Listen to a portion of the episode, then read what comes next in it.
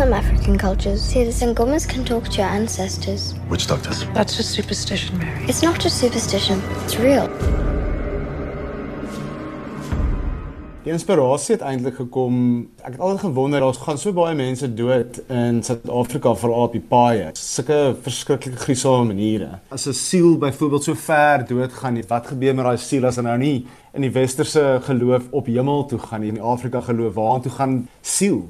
In die Zulu en Xhosa tradisie is daar hierdie tradisionele ritueel met die naam van die Umfafa.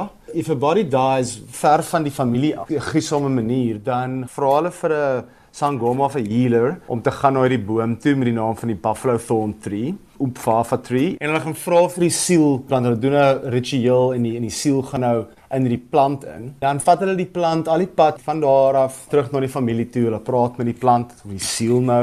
En as hulle nou by die familie aankom, dan is daar 'n ritueel waar hulle die plant gee vir 'n bok na die bok die plant eet. En sodoende dan sacrifice hulle na die bok en dan begrawe hulle die bok saam met die lyf en sodoende voel hulle nou dat die siel tot rus gekom het. En ek het toe gedink hierdie siele, die verlore siele as ware wat oral is, wat gebeur as daar nou iemand is wat hierdie siele gaan collect, jy weet. Dit is waar my karakter met die naam van Lazarus gebore geraak het. I am the wanderer, always searching. You are in me and I in you and we will meet again. Die rolprent uit het sy eerste openbare vertoning by die Fantasia Internasionale Rolprentfees in Montreal, Kanada gehad. Die fees fokus spesifiek op genre rolprente en is beroemd of berig vir die aantal en tipe liefhebbers wat dit jaarliks lok. Verlede jaar was daar sowat 100 000 besoekers. Die vervaardiger, Jack Williams, vertel dat gehore by hierdie fees katgeluide maak as hulle van 'n fliek hou.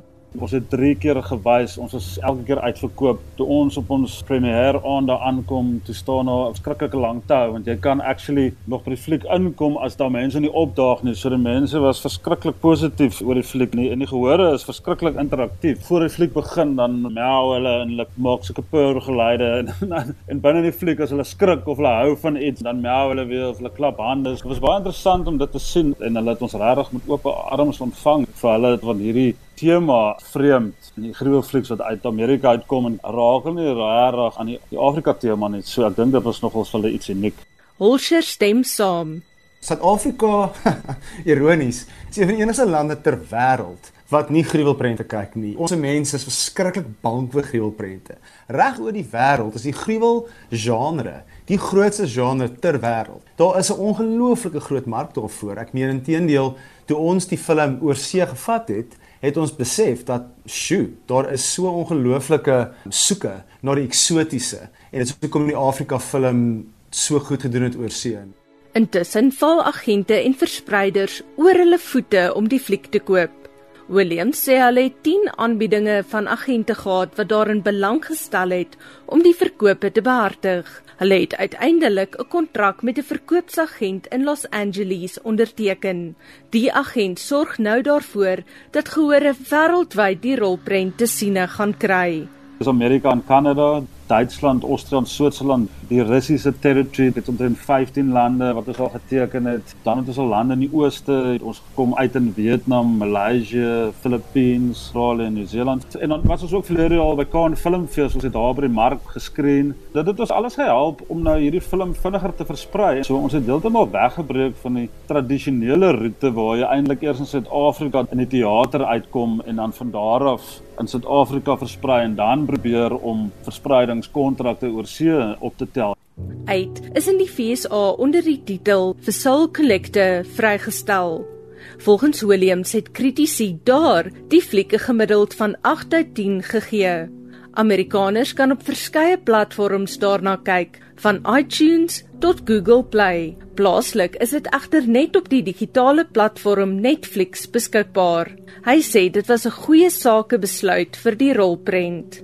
Ons het met almal gepraat, gaan ons teater doen, gaan multi-choice dit optel, wat gaan ons doen? En ons het dit ook aan Netflix gestuur deur Gravel Road wat met Rekkie ons wêreldwye verspreiding doen. Die antwoord wat Netflix toe vir ons gemaak het, was so goed dat ons besluit ons gaan vir platforms soos Netflix Premiere 2 jaar op daai platform en jy kan dit in die hele Afrika sien. Ons is ook die eerste Suid-Afrikaanse fliek wat op Netflix premiere.